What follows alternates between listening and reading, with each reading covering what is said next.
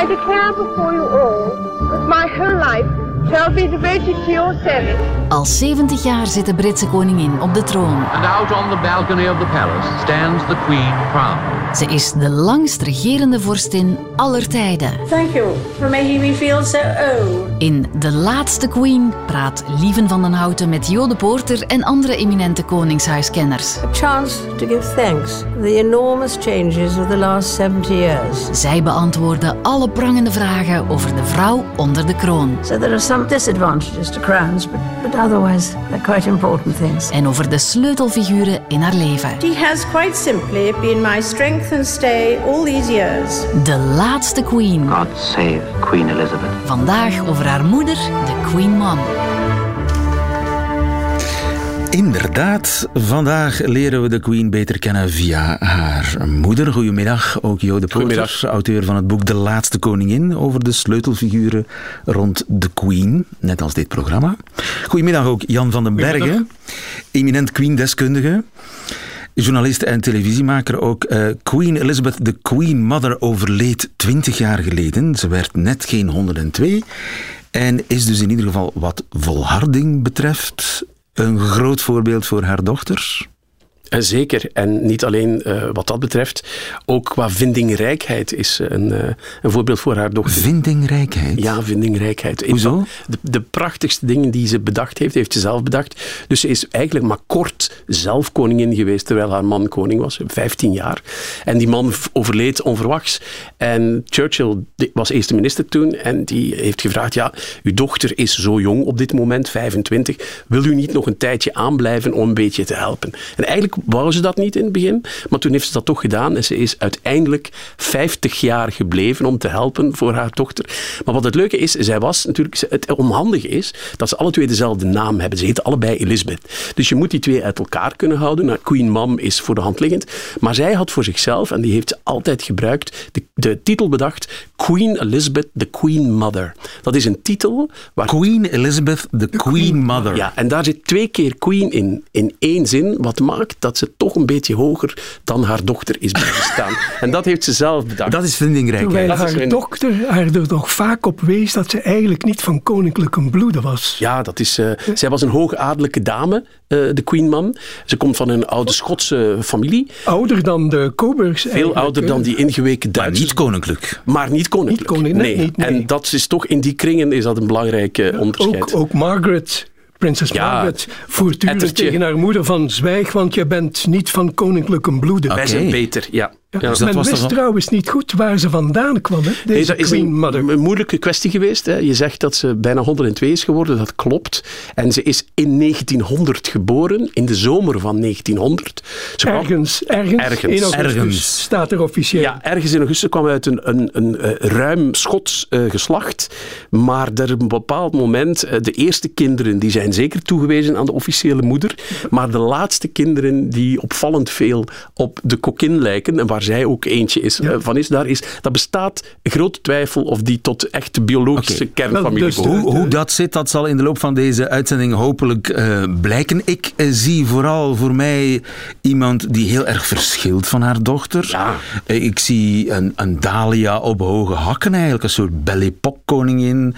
Zeilende zomerjurken, nooit zonder hoed de deur uit. Je mag niet vergeten, zij, heeft, zij is geboren toen Queen Victoria nog heerste over het Verenigd Koninkrijk. Zij heeft zes koningen meegemaakt, twee troonopvolgers. Voor haar was alles wat, buiten zich, het wat zich buiten het paleis afspeelde, dat was iets vreemds. Daar wilde ze eigenlijk weinig mee te maken hebben. Het is ook bekend, dat zou nu ook eh, natuurlijk meer kritiek krijgen, maar zij vond dat de wereld eigenlijk alleen maar moest bevolkt worden door witte mensen.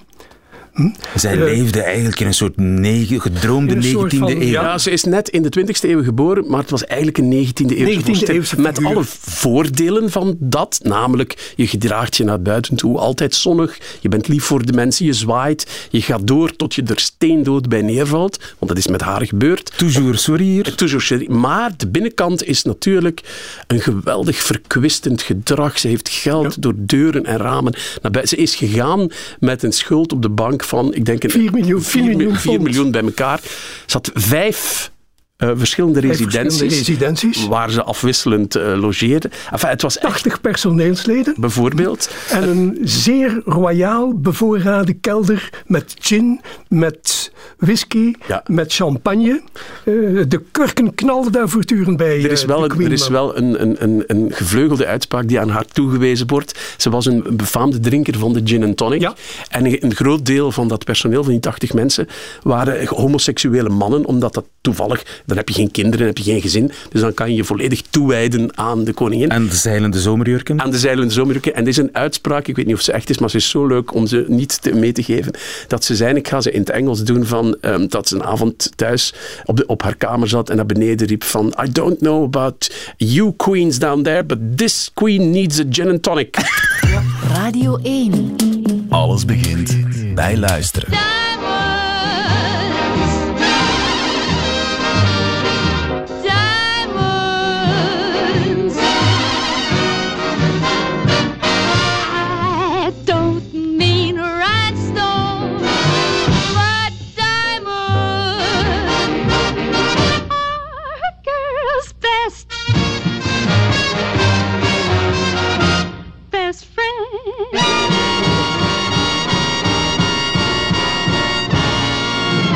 Diamonds are a girl's best friend.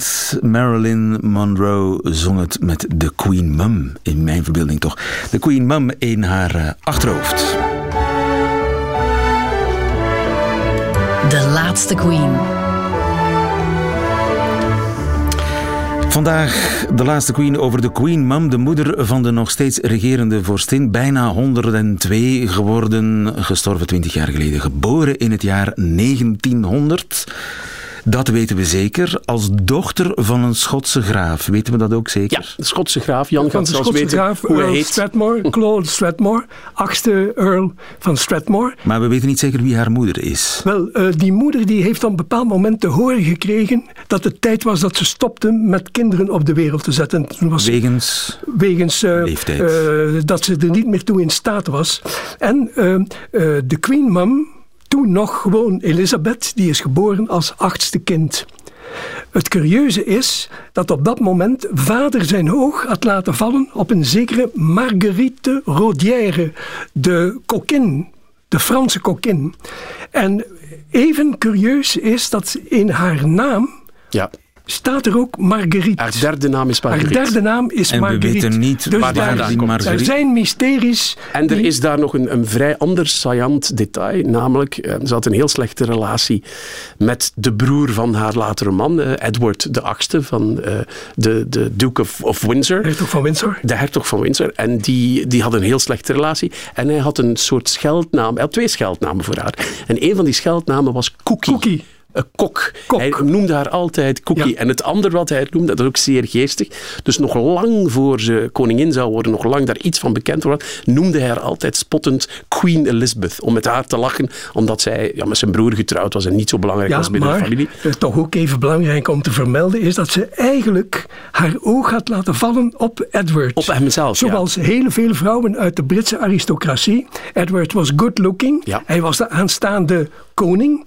En eh, het probleem was, zij was nogal mollig. Ja. En hij viel vooral op androgyne types, zoals de hertogin van Windsor. Wallace Simpson. Uh, ja, van, uh, dus uh, hij was totaal niet geïnteresseerd. En, dus ze wou eigenlijk eerst die broer. Ze wou de broer. Wou de, dat was haar eerste. En ze wou de andere broer, waar ze uiteindelijk mee getrouwd is, wou ze absoluut niet hebben. Die, heeft twee, waarom? Keer, om, om... die heeft twee keer geprobeerd om haar te strikken. En twee keer heeft hij een blauwtje opgelopen.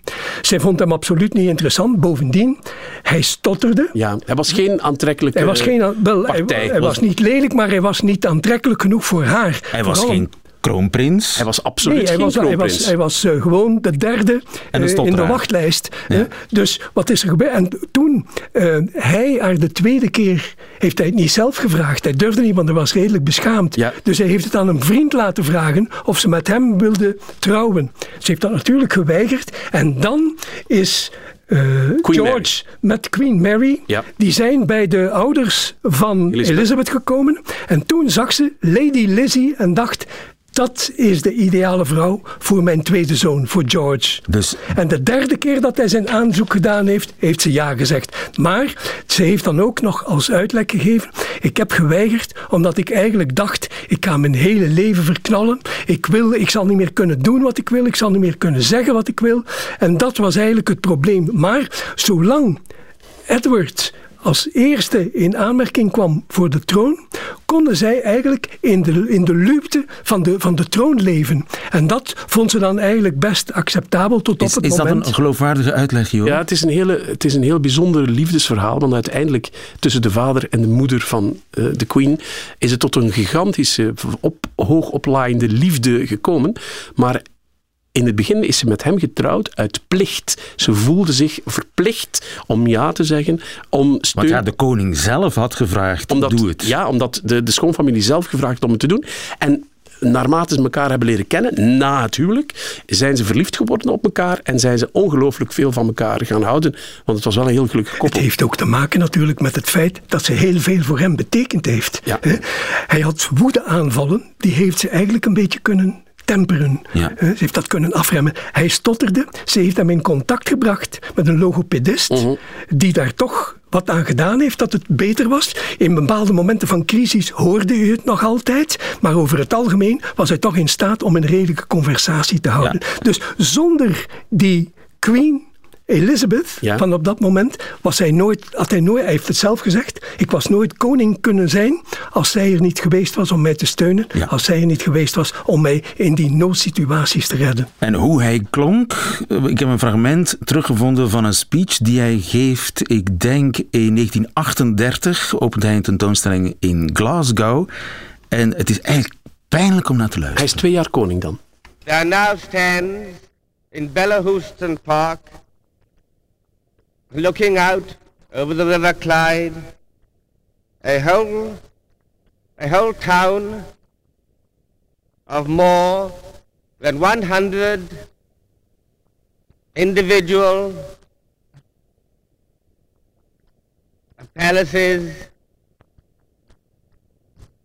and pavilions. Jeetje. Mm. Ja, Ik hoop dat wij het hier iets beter doen. Ja, lastig. En, en dan zo onder druk staan, maar dat was natuurlijk, om dat vak, om die fakkel over te nemen, om dat vak te gaan doen, terwijl hij stampvoetend heeft staan springen van ik wil het niet doen, ik ben ongeschikt om koning te zijn. Ja, en Waarom? zij Dat wou had- het eigenlijk dat ook niet. Zijn, zijn broer had het ook duidelijk te verstaan gegeven, Edward. Die zei, ja, ik vertel geen grote geheimen als ik zeg dat ik in alles De beter was. de betere was van mijn broer. Ja. Dus ook dat zal hem nog opgezadeld hebben met een minderwaardigheidscomplex. Ja, dus eh, zij wou eigenlijk geen koningin worden. Hij zeker wou, niet. hij wou ook zeker geen koningin worden. En toch moeten ze. En bij uitbreiding, Elisabeth, die we nu in dit geweldige programma gedenken, ook niet. Want zij was een, een, jong meisje, een jong kindje. En zij heeft zoveel angst en woede en, en ongeluk gezien bij haar vader, dat het idee om zelf koning, om vorst te worden, zo besmet was, dat ze dat ook al een hele tijd niet gewild heeft. De, en dat had allemaal niet gemoeten als die broer van hem. Gewoon maar koning was geworden en gebleven en De laat ons koningin rust. moeder heeft daarover gezegd. Het was een kaakslag in het gezicht van mijn man. Ja. Ja. Toen we hoorden dat hij... Voor die vrouw koos. Daar Ja, komt het Ja, ook op al. neer? Ja. Ja. En dat heeft ze eigenlijk tot, eh, de, voor de rest van haar dagen... hè, That woman Ja. noemde zij eh, de vrouw Wallace van eh. Edward. ja. Is dat een trauma? Ja, absoluut trauma. Dat is ook de reden waarom ehm, het, het, het onderwerp troonsafstand of abdicatie zo gevoelig ligt in die familie. De, de troonsafstand van haar oom, van Elisabeth, heeft die familie zo ontwricht en heeft zoveel ellende veroorzaakt en de Britse monarchie bijna op de rand van de afgrond gebracht, dat dat voor de Queen vandaag iets is wat... eh, eh, De vraag wordt heel vaak gesteld, zal zij ooit troonafstand doen? Het antwoord is rigoureus nee. Eén, omdat ze- Daarom. ja, één, omdat ze... De, de enige uitzondering die er ooit geweest is, is Edward. Nee, die- die, die- een stap opzij gezet heeft voor een vrouw dan nog. Ja, en hij had waarschijnlijk niet gedacht dat het zo ver zou komen en dat ze hem met zijn rug tegen de muur, hij heeft gezegd ik ga voor die vrouw kiezen, en had waarschijnlijk nog gedacht en gehoopt, ze zullen dan wel het goedkeurende... Er, waren, er waren er die dat goed Ja, ja, keurden, hè. zeker. Churchill was daar Churchill was eigenlijk daar voor niet tegen, Nee, ja. was daar niet tegen. Maar anderen die vonden dat kan niet, dus hij moet verdwijnen. Hij moet, hij moet de juiste conclusie treffen, ja. trekken. En dat trauma is uh, tot op vandaag nog voelbaar voor de Queen. Vandaar dat zij nooit uh, troonafstand zal doen. Want dat zou haar op één lijn zetten met die verdomde Edward ja. de achtste. Nu, op haar twee... Plus, plus, daar komt nog bij dat er natuurlijk nog twijfel bestaat over de opvolger. Niet iedereen zit te wachten tot Charles op de troon komt. Denk je dat dat speelt? Dat speelt zeker mee. Is, is, is, wil ze haar zoon overleven? Nee, haar zoon niet overleven, maar als het werkelijk niet anders meer kan, als ze overlijdt, dan wordt Charles de volgende koning. Maar dat moet zo maar er, zijn ongelooflijk, er is ongelooflijk veel tegenwind. Uh, van bij uh, de affaire Diana heeft Charles het verkorven bij een groot deel van het publiek. Ondertussen zijn die plooien misschien wel wat gladgestreken, maar toch. alleen daarom al zou de queen het niet doen. Plus, uit plichtsbesef, je sterft als koningin en je wordt geboren, in haar geval nog niet helemaal, maar je wordt geboren als koningin ja. en je sterft als koningin. Nu, we hebben het over de Queen Mum vandaag, ja. die op haar 52ste weduwe wordt. Haar rol is dan niet uitgespeeld. Nee, wat ik zei, ze heeft er nog 50 jaar ja. lekker doorgedaan. En ze is een gezellige, leuke bijkoningin geweest om kransen te leggen en dingen te een openen. Bijkoningin. Een bijkoningin. Een ja. koningin ernaast. En als de queen niet kon. En het is heel belangrijk geweest voor de queen. Er waren twee mensen, behalve haar man, die ze dagelijks sprak. Soms via de telefoon. En dat was haar zus. Ja. En die moeder, daar sprak ze iedere dag mee. En daar sprak ze ook op een zekere vorm van gelijkheid mee. En het was heel belangrijk wat de Queen Mum vond en dacht. Die heeft ook een sleutelrol gespeeld in heel die Diana-kwestie, Diana dood, begrafenis. De, de discussies zijn eindeloos geweest uh, toen de familie op Balmoral was en Diana was verongelukt in Parijs. En dus een van de zwaarste tegenstemmen tegen Diana was de Queen. Mum. En dat komt omdat ze uit die traditie van de 19e eeuw stamt. Eén, ellende en ruzie breng je niet naar buiten. En, en twee, ze is nu gescheiden. Het probleem is, zij is een Spencer en wij zijn Windsors. En er is letterlijk gezegd, de Spencers moeten de begrafenis... Ze is een Spencer, dus de Spencers moeten de begrafenis... Zij kon niet begrijpen dat er... Dat, is ook een, dat heeft ze ook gezegd. Ze begreep niet dat er zoveel aanhang en adoratie was voor Diana bij het volk terwijl die mensen haar niet persoonlijk kenden, kenden. Geen persoonlijk. En al die mensen dachten dat ze Diana persoonlijk kenden. Ze heeft zich met liefdadigheidsinstellingen uh, bezig gehouden. Uh, ze was zeer nadrukkelijk aanwezig bij elke bijeenkomst van de koninklijke familie. Zonder de Queen Mum was er geen koninklijke familie. Zij was het boegbeeld van de koninklijke familie, samen met Elizabeth natuurlijk. Maar, maar daar kwam nog bij dat ze zichzelf toch ook altijd ja, ze heeft zichzelf nooit tekort gedaan. Ja, dure, er hing aan, de, aan die 19e-eeuwse koningin een prijskaartje. Ja, natuurlijk. Hè. Diamanten, een garderobe en dan vooral haar gokverslaving. En het curieuze is... Gokken op paarden? Gokken op paarden, ja. ja. Zij, zij, uh, zij was uh, verslaafd aan, aan gokken op paarden. Hè. En daar, daar, vandaar ook, toen ze uh, overleden is, dat er nog een schuldenlast van 4 miljoen pond stond. dat ze aan alles had gespendeerd. Dus die vrouw die had eigenlijk moeten bestraft worden, maar wie zou het gedaan hebben? Elisabeth heeft dat eigenlijk met de mantel der discretie bedekt. Ja. Daar is nooit over gesproken. Het is pas achteraf. Uh, Bovendien had zij ook een zeer grote populariteit, juist doordat ze zich met allerlei sociale werk bezighield, omdat ze zeer nadrukkelijk aanwezig was. En omdat ze tot op latere leeftijd heel zichtbaar is gebleven. Hè. Dat is ook iets wat. Ze was ook altijd uitgedost als een koningin, ja. met die hoed en die veren en die veelkleurige uh, tenues. Dat is echt iets wat indruk gemaakt heeft op de mensen. Zo zichtbaar was ze dat er op een bepaald moment in een krant gesuggereerd is dat ze eigenlijk al lang dood was en dat het een stand-in was die voor haar. Want zo levendig als ze op 100-jarige leeftijd nog was, dat kon eigenlijk Ze niet. was niet vies van een feestje. En ze was, ze was ook niet vies van verantwoordelijkheid. Want wat ik bijzonder vond, is dat ze zelf op heel hoge leeftijd, en volgens mij was ze toen al 100, erop stond om, hoewel ze heel gebrekkig was, ook aanwezig te zijn op de begrafenis van haar, van do Margaret, ja. van haar dochter. Ja. En, uh, dat ze hebben haar moeten halen met een helikopter. Uh, terwijl ze nog niet helemaal hersteld was van haar heupoperatie, maar ze wilde er absoluut bij zijn. Dus ja, dat, dat plichtsbesef dat nog uit de 19e eeuw stamt, uh, van koningen en koninginnen en prinsen en prinsessen die bezoeken hospitalen, die gaan naar daar, die gaan naar daar, die moeten zich laten zien. Want als je, van het moment dat je je niet meer laat zien, ben je niet populair meer en doe je eigenlijk uh, onrecht aan de grote functie die je hebt, de belangrijke functie die je hebt als lid van de koninklijke ik, familie. Ik heb ook genoteerd 80 personeelsleden. 80, ja. Waarvan er één voor haar veel? deur moest slapen. Waarom moest hij voor haar deur slapen? Als bewaking. Oké. Ja.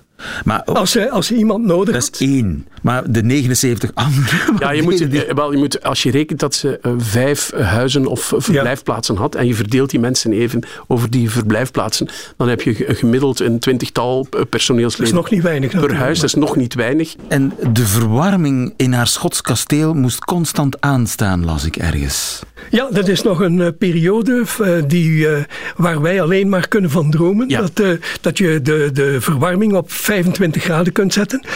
Zij was zeer gevoelig voor windstoten en voor kou. Ook al kwam ze dan uit Schotland, maar dus er moest altijd voor gezorgd worden. Vandaar ook, er lag altijd bond klaar voor haar. Mhm. zelfs in een periode dat bond helemaal niet meer politiek correct was, ze stoorden zich daar niet aan. Bontjassen moesten het zijn. En uh, zelfs bonten uh, heb ik mij laten vertellen. Ik heb daar nooit een, een, beeld van gezien. Maar dat ze ook pantoffels in zeehondenvel droeg om koude voeten te vermijden. Zij kon zeer goed stemmen imiteren. Ja, dat is, dat is iets wat in de familie, ja, dus de, Queen, ook. en Margaret ook, uh, kunnen zeer goed um, uh, mensen nadoen. Uh, vaak ook bekende mensen. Van de Queen is, is gekend dat ze heel goed minister, een, een heel rijtje met ministers kan nadoen. Gaande van Tony Blair over. Eh, Thatcher doet ze. En ook acteurs en, uit EastEnders. Ja, kan ze ook doen. Maar dus die moeder, daar, daar is een verhaal van dat. Um, er was een etentje met William en, en Harry. Ja. En het was de tijd dat Ali, Ali G. G.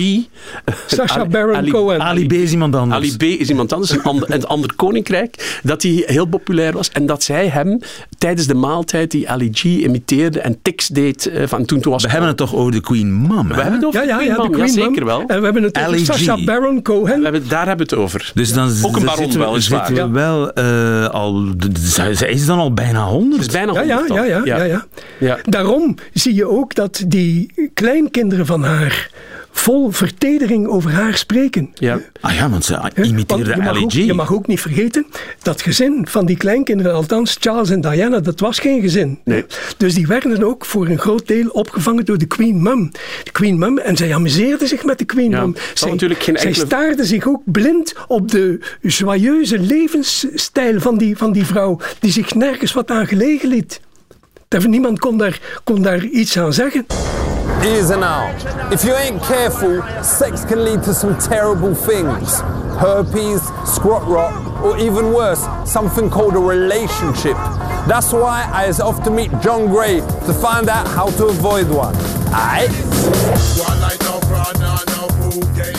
Ellie G, waarvan de Queen Mum een redelijk verrassende fan blijkt te zijn, die hem ook heel goed kon imiteren.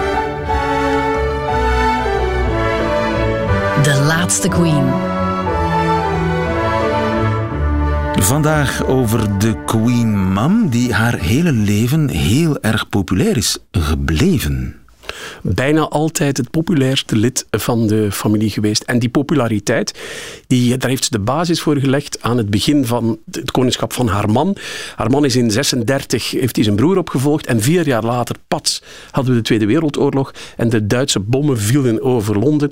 En zij is eh, met haar man samen ja, waar, je kon geen bom laten vallen of de dag daarna stond zij er wel naast met een foto in de krant om te laten zien dat ze, dat ze belangstelling had, dat ze meeleefde met de bevolking.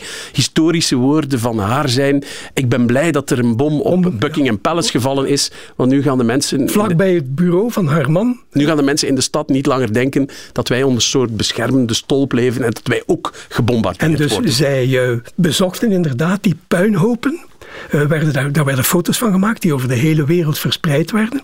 En er is natuurlijk ook die beroemde uitspraak van haar. Hè. De meeste mensen van adel en ook van, van de rijke burgerij, die stuurden hun kinderen naar Canada om hen te beschermen tegen de bommen die vielen. En de queen en de koning die hebben zich daar van bij het begin tegen verzet. Ja, dat is een heel aandoenlijke uitspraak die Jan nu letterlijk gaat brengen. Let op. Wel, uh, de kinderen ga niet zonder mij. Ik ga niet zonder de koning. En de koning gaat niet. En dat was het. Ja. En ze zijn in, eh, ze zijn in eh, Engeland gebleven. De kinderen, de Queen en haar zus Margaret, zijn naar Windsor gebracht, waar ze eigenlijk de, de, de hele oorlog doorgebracht. De Queen zelf uh, omschrijft dat, mag eigenlijk niet, is niet zo politiek correct, maar omschrijft het als de mooiste tijd van haar leven. Want het leven lag een beetje stil en zij met haar zus leefden in dat enorm, die onbeschermde omgeving van Windsor. En ondertussen was haar moeder, de Queen Mum en vader, op pad om hun empathie en hun sympathie met de bevolking te betuigen. Niet vergeten ook, Hitler zag George als een watje. Ja. En hij zei dat is de gevaarlijkste vrouw in de wereld, want hij was ervan overtuigd dat de Queen Mum haar man dus eigenlijk aanspoorde om ja, alle middelen in te zetten tegen Duitsland, tegen het Nazirijk. Dus voor haar was zij de gevaarlijkste vrouw van de wereld. Voor hem bedoel je? Ja, vandaar ook, achteraf eh, hebben we nog gezien dat de hertog van Windsor en zijn vrouw bij Hitler eh, eh, met alle egaars ontvangen Just, werden. Ja. Al was het alleen maar... De, de, de verdomde broer. Ja. ja, ja. in de oorlog spreekt zij op de televisie... Enfin, dat was de, de televisie bestond nog niet. Nee, nee, nee. Het was het bioscoopjournaal, mm. neem ik aan. Ja. Want er is beeld van de natie toe om te zeggen dat alles goed komt als we maar onze plicht vervullen. We have all a part to play. And I know you will not fail in yours. Remembering always that the greater your courage and devotion, the sooner shall we see again in our midst the happy ordered life for which we long. Ja, als we maar allemaal doen wat we moeten doen, wordt alles weer zoals vroeger. Dat is een dooddoener natuurlijk, maar... Maar daar heeft ze wel haar best voor gedaan in de oorlog. En het is opvallend dat ze zo ongelooflijk als haar dochter klinkt op dit moment in, in die opname. En zo helemaal niet Schots. Maar goed. Ja. En uh, zij heeft in elk geval haar uh, plicht gedaan in die oorlog. Absoluut, dat heeft ze met, met verve gedaan. En uh, ze heeft ook um, de, de, de pralerige, uh, het pralerig imago van wat het Koningshuis had. Daarvoor heeft ze het Koningshuis echt van goed fatsoen en de werkende mensen gemaakt in de oorlog. Van ja, aanpakken. Een, een, vals beeld natuurlijk, een tot vals op zekere beeld. mate, maar een beeld dat bleef hangen bij de bevolking ook. Van zij, zij zijn niet anders dan wij, terwijl dat natuurlijk een, een, een belachelijke uh, conceptie is. Maar in ieder geval, inderdaad, dankzij haar heeft dat koningshuis tijdens de oorlog en na de oorlog een ongelooflijke uh, uh, populariteit kunnen krijgen. En wat zo bijzonder is, is dat ze eigenlijk haar positie te danken heeft aan de Eerste Wereldoorlog. De Eerste Wereldoorlog was gebeurd, de strijd ook tegen de Duitsers. En zij is kunnen uh, trouwen met de, aanst of de broer van de aanstaande koning.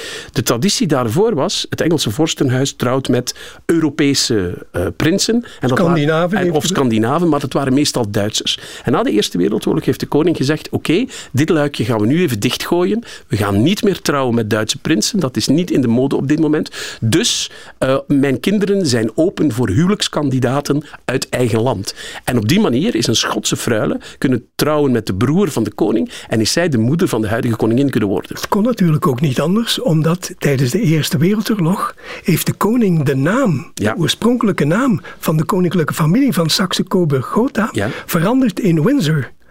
Dus van het moment... Ook een dat... ontduitsing. Oh, een ja, ontduitsing, ja, het kon niet meer. Ja, ja, ja, precies. Goed, uh, zij is populair geworden tijdens de oorlog door dicht bij het uh, volk te blijven en dicht bij de vallende bommen. En die populariteit, daar is ze haar hele leven op blijven teren. De laatste Queen.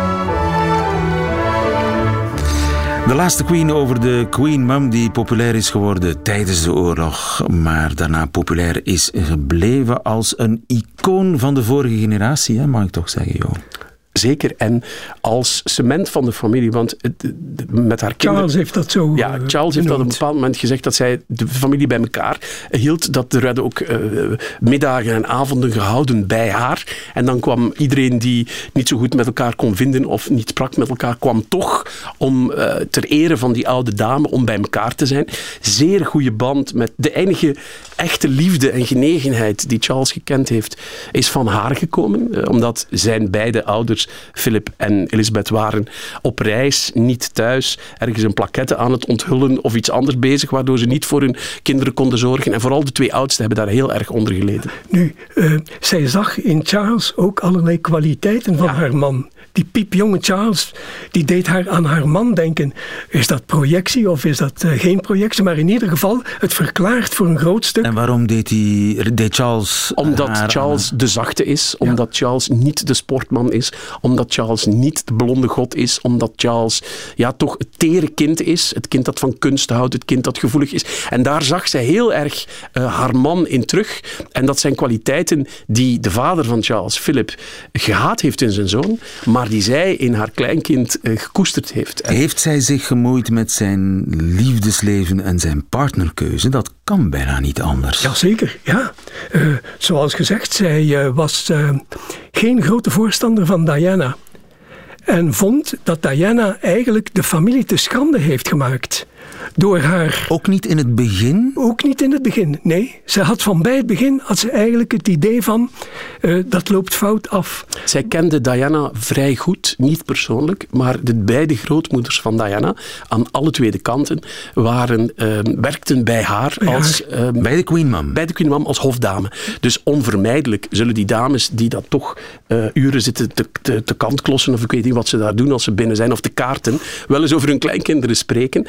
En uh, er is gewaarschuwd voor het huwelijk tussen Charles en Diana, met name door uh, een van die grootmoeders, van kijk, ik denk niet dat het een goed idee is um, dat die twee gaan trouwen. Waarom niet? Ze lijken... Er was in één, er waren grote karakterverschillen. Ja. Ten tweede was er ook een zeer groot verschil qua intellectuele interesse. Ja, plus het feit dat die grootmoeder al had ingeschat dat Diana niet de stabielste van de Spencer Tak was. En dat die Diana heel erg geleden had onder de vechtscheiding van haar ouders. En daar diverse trauma's had ja. opgelopen. En waarschijnlijk de druk van Princess of Wales niet zou aankunnen. Dus wat vergeet, vergeet ook niet dat binnen adellijke kringen, binnen hoogadellijke kringen, circuleerde ook het verhaal van de liefde van Charles voor Camilla. Mm -hmm. Dat komt er nog bij. En dus dat die, wist zij. Dat die, wist de Queen Mom. Ja, maar de Queen Mom, die weet dat. En die zegt dus, ja, dat gaat nooit een goed huwelijk worden. Dus van bij het begin heeft ze zich daartegen verzet. Maar natuurlijk, er kwamen daar andere, uh, uh, uh, hoe zou ik zeggen, elementen bij kijken. Charles moest dringend voor de voortzetting van de dynastie zorgen. Mm. Diana, die had alle kwaliteiten om bij het grote publiek ja, in ja. de smaak te vallen. Dus dat is eigenlijk de, de, de doorslaggevende reden geweest waarom dat huwelijk er is gekomen. Ondanks het verzet en ondanks de waarschuwingen van de Queen Mum. En de Queen Mum heeft zich dan ook tegen Diana snel gekeerd als blijkt dat het huwelijk niet werkt. Ja, dus een keer dat die verhalen verschenen van Andrew Morton, de verhalen in de kranten, waar Diana eigenlijk ja, het publieke biecht sprak, waar die eigenlijk de kroon ontblootte. Ja, dat was, dat was, was natuurlijk dat was een brug te ver. Toen dat was het helemaal niet. afgelopen en, en toen ze dan zichzelf eigenlijk de facto uit de familie gezet heeft uh, door die scheiding, ja, toen, toen moest Queen Mom er zelfs niet meer tegen praten of iets. Ze was nog wel de biologische moeder van uh, Harry en William, maar dat was een detail. Die zouden wel, zoals alle andere kinderen, opgevoed worden door gouvernantes en nannies. Dat was het. De, de Queen Mom was niet anders gewend dan dat je opgevoed werd door een wild vreemde. Dus dat zou het probleem niet kunnen zijn. En dus zij hebben dat toen onder, onder invloed van Queen Mom bij de dood van Diana volledig verkeerd ingeschat. Ze hebben dat volledig, omdat zij iets had van uh, één, ze had, ze had een hekel aan Diana, dus daardoor was ze zeer voor ingenomen. Diana was uit de familie, het was een Spencer en die, die grote golf van adoratie en verdriet die toen op gang is gekomen, in de afsluiting van het kasteel van Balmoral waar ze zat, heeft ze daar weinig van gemerkt. En ze kon intellectueel niet begrijpen dat je zo'n emotionele band kan hebben met iemand die je volstrekt niet kent.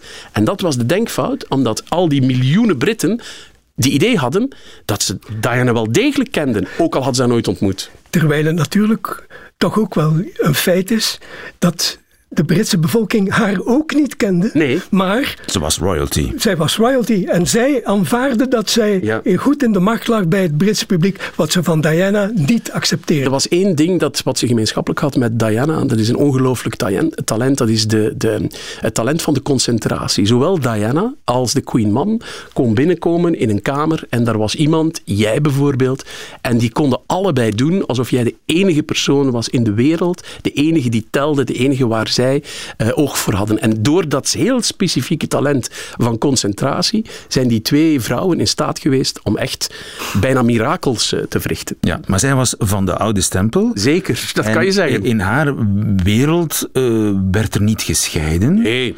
En dat een vrouw ook na de scheiding van de familie blijft deel uitmaken als moeder, dat, dat kwam gewoon niet in haar op. Nee, want daar hadden ze een afspraak over gemaakt dat ze dat niet zou doen. En de Queen Mom had heel goed berekend uh, hoe, de, hoe de verdeling zou gaan over de kinderen. En het kwam er eigenlijk op neer dat Diana de kinderen maar om de 14 dagen anderhalve dag zou zien. En dat is om de 14 dagen, pak, pak drie dagen in de maand. Ja, op basis van drie dagen kan je geen invloed eh, eh, hebben op kinderen. Dat bleek verkeerd gegokt te zijn, want op die drie dagen heeft ze wel de, degelijk invloed gehad. maar die vrouw was ook zo kordaat, zo principieel, dat zelfs al was Diana een goede moeder, relatief goede moeder, dat speelde voor haar geen rol meer. Ze was gezakt in haar examen als prinses. Ze was gezakt in haar examen als royal. Weg ermee. Ja, deze ook een, een, zij was heel goed op de hoogte van koninklijke tradities en gebruiken. En er is een, een wet die uh, stamt van George III, die zegt dat de queen, de koningin, uh, voogdij heeft over de kinderen van haar kinderen, over de kleinkinderen, tot ze uh, meerderjarig worden. Dat betekende dus, en dat is, dat is exact gebeurd, dat eigenlijk nog Charles, nog Diana, toen, de, toen William en Harry kind waren, iets te zeggen hadden over waar gaan ze naar school, waar gaan ze met vakantie, gaan ze op reis, wat voor kleren. Dat was allemaal de verantwoordelijkheid en het beslissingsrecht van de queen. En de queen man wist dat, dus die had zoiets van, oké, mijn dochter zal wel zorgen dat die mhm. kinderen goed terechtkomen en we kunnen daar gewoon Diana vacuüm uit trekken. We kunnen die daar gewoon uit weghalen. Buiten Diana zelf gerekend. Ja. Maar, maar, in terugblik denk ik dat die uitspraak die Lord Halifax over de Queen Mum gedaan heeft, een ijzeren vuist in een fluwelen handschoen, dat klopt wel. Uh, dat wilden de Britten ook niet zien, dat zij een ijzeren vuist had. Zij zagen alleen dat fluweel, zij zagen ja, die kleren, de pluimen, de, struisvogel, de struisvogelveren uh, uh, enzovoort. En, maar wat daarachter zat... Was zij racistisch? ja, dat zou je nu, als je er nu op terugkijkt, zij zal dat nooit van zichzelf gevonden of gezegd hebben. Maar dat was ze zeker. Ja, ja. Zij vond dat de wereld moest bevolkt worden louter door witte mensen. Heeft ze dat ook letterlijk zo gezegd? Die heeft dat nooit uh, in het openbaar gezegd, maar het is een uh, bekend feit. Binnen de koninklijke familie uh, vond zij dat, dat er toch enorm veel problemen waren met die zwarte mensen en met de gele mensen enzovoort enzovoort. In dat opzicht was een, een categorie feller dan haar schoonzoon Prins Philip hoor. Ja. En dus zij is dan het, het kwade genius geweest, laten we zeggen, uh, bij de grote vergissing rond de, de dood van Diana. Zij vond eigenlijk, dat dat, dat is een Spencer, die hoeft helemaal, wij hebben daar niks meer mee te maken. Wij hebben daar niets mee te maken en zij moet het maar oplossen. En de, de, de queen zelf, voor wie die vrouw natuurlijk altijd haar moeder was en haar, een van de belangrijkste raadgevers, heeft daar heel lang te lang naar geluisterd tot eigenlijk Blair op de proppen gekomen is en die de Queen daar gered heeft en misschien wel de monarchie gered heeft op dat moment door haar te verplichten om daar helemaal anders over te denken en helemaal anders over te doen. Wel, gelukkig was daar Blair. Die de, die de, die de, de, ook, ook, een schot trouwens. Ook een schot die uiteindelijk ervoor gezorgd heeft dat de rouw afgekondigd werd. Ah. Nou, aan de andere kant, uh, dat is ook wel zoiets typisch. Ze wilde wel alles binnen de familie houden, maar ze vond het aan de andere kant toch, ik heb het over de Queen Mum, hypocriet om verdriet te laten blijken als je geen verdriet hebt. Ja. Dus dat was en zeker als het ging over iemand die ze niet kon uitstaan. Voor iemand die ze niet kon uitstaan. Dus dat was een beetje een dilemma voor haar. Uiteindelijk ja, kon ze zich niet blijven verzetten, omdat iedereen, heel, heel, heel het politieke bestel, die stond daarachter. Eh, majesteit, je moet laten zien dat de bevolking uh, weent en dat de bevolking rouwt met reden, want jullie wenen en jullie rouwen ook. Dat was eigenlijk een beetje de. Dan heeft de Queen zelf de bocht gemaakt, heeft die speech gegeven op televisie die haar troon gered heeft. Ja, absoluut. en dat heeft ze echt met, met, met de arm op de rug omgevouwen door Blair, is ze daar naartoe geschopt. En er is een hele studie gemaakt van die, die speech duurt drie minuten of zoiets. En als je die gaat ontleden, ik doe het in het boek, dan ik zie je woord voor woord. Ze zegt prachtige dingen, maar ze engageert zich op geen enkel moment om te zeggen: Ik ben uh, triest, ik vind het erg, ik vind het vreselijk, ik vond Diana geweldig. De woorden zijn er, maar ze legt telkens de woorden bij iemand anders. Ze zegt: Het volk rouwt, het was dat soort vrouw, de kinderen zullen haar missen, het is hard voor die. Maar eigenlijk, als je er letterlijk naar kijkt, zegt ze niets wat haar compromitteert. maar dat is juist het geniale. Hè? Want als ze zich wel had geëngageerd, was niet geloofwaardig geweest. Gezegd, oh, maar, ja. Nu is ze wel gekeerd. En dat is het genie Elizabeth, de huidige queen. Die zal daar zeker... Die, die buig, buigzaamheid in onbuigzaamheid. Ja, en dat is de enige manier ook waarop je uh, eh, 101 jaar wordt. Als je dat niet hebt, dan breek je bij de eerste weerstand. Charles heeft gezegd, zij is het cement van de natie. Maar natuurlijk ondertussen is dat toch een beetje verbrokkeld, dat cement. Ja. Philip is er niet meer. Zij is er niet meer. Diana is weg. En Harry is weg. Dus uiteindelijk, de, de, de kleinkinderen spreken nog met de grootste lof over de Queen Mum. Heeft zij een grote invloed op die kleinkinderen en die achterkleinkinderen? Ik denk dat er een grote vertedering is tegenover haar. Dat men ook veel bewondering heeft voor het feit dat die vrouw op haar honderd, of, of, nog ouder dan honderd jaar, dat die nog zo dynamisch was, dat die nog zo helder van geest was, dat die nog zo, hoe zou ik zeggen, uh, een beetje guitig en speels was. Ja. Want dat is toch tot op de laatste dag eigenlijk gebleven. Dus al die kwaliteiten maken dat zij bij de huidige generatie uh, toch eigenlijk nog een grote sympathie en een grote bewondering krijgt. Ja, dus er leeft iets voort van die 19e-eeuwse Belle Époque koningin in de huidige generatie? Zeker, zeker in, in, in Charles, voor, voor zover je niet nog de huidige generatie kan noemen, want zijn generatie moet nog komen. Maar zeker in zijn, de manier waarop hij tegen het koningschap aankijkt, het uh, protocolaire, het geregelde, het gemaniereerde, dat komt rechtstreeks in zijn bloed via die veren en die, die kleuren van haar. En de gin. De laatste queen. Deze zomer gaan we op zoek naar de vrouw onder de kroon via de sleutelfiguren in haar leven op zondagmiddag van 12 tot 1. Vandaag hadden we het over de Queen Mum. Volgende week over de premiers waarmee ze te maken kregen. Hoeveel zijn het er? Veertien bij Veertien? Ja. Van Winston tot Boris. Van Winston tot Boris. Volgende zondag. En Engelandkender Harry de Pape zal ons bijstaan. Dankjewel, Jan van den Bergen. En Jode Poorter, jouw boek De Laatste Koningin is nog steeds te winnen via radio1.be.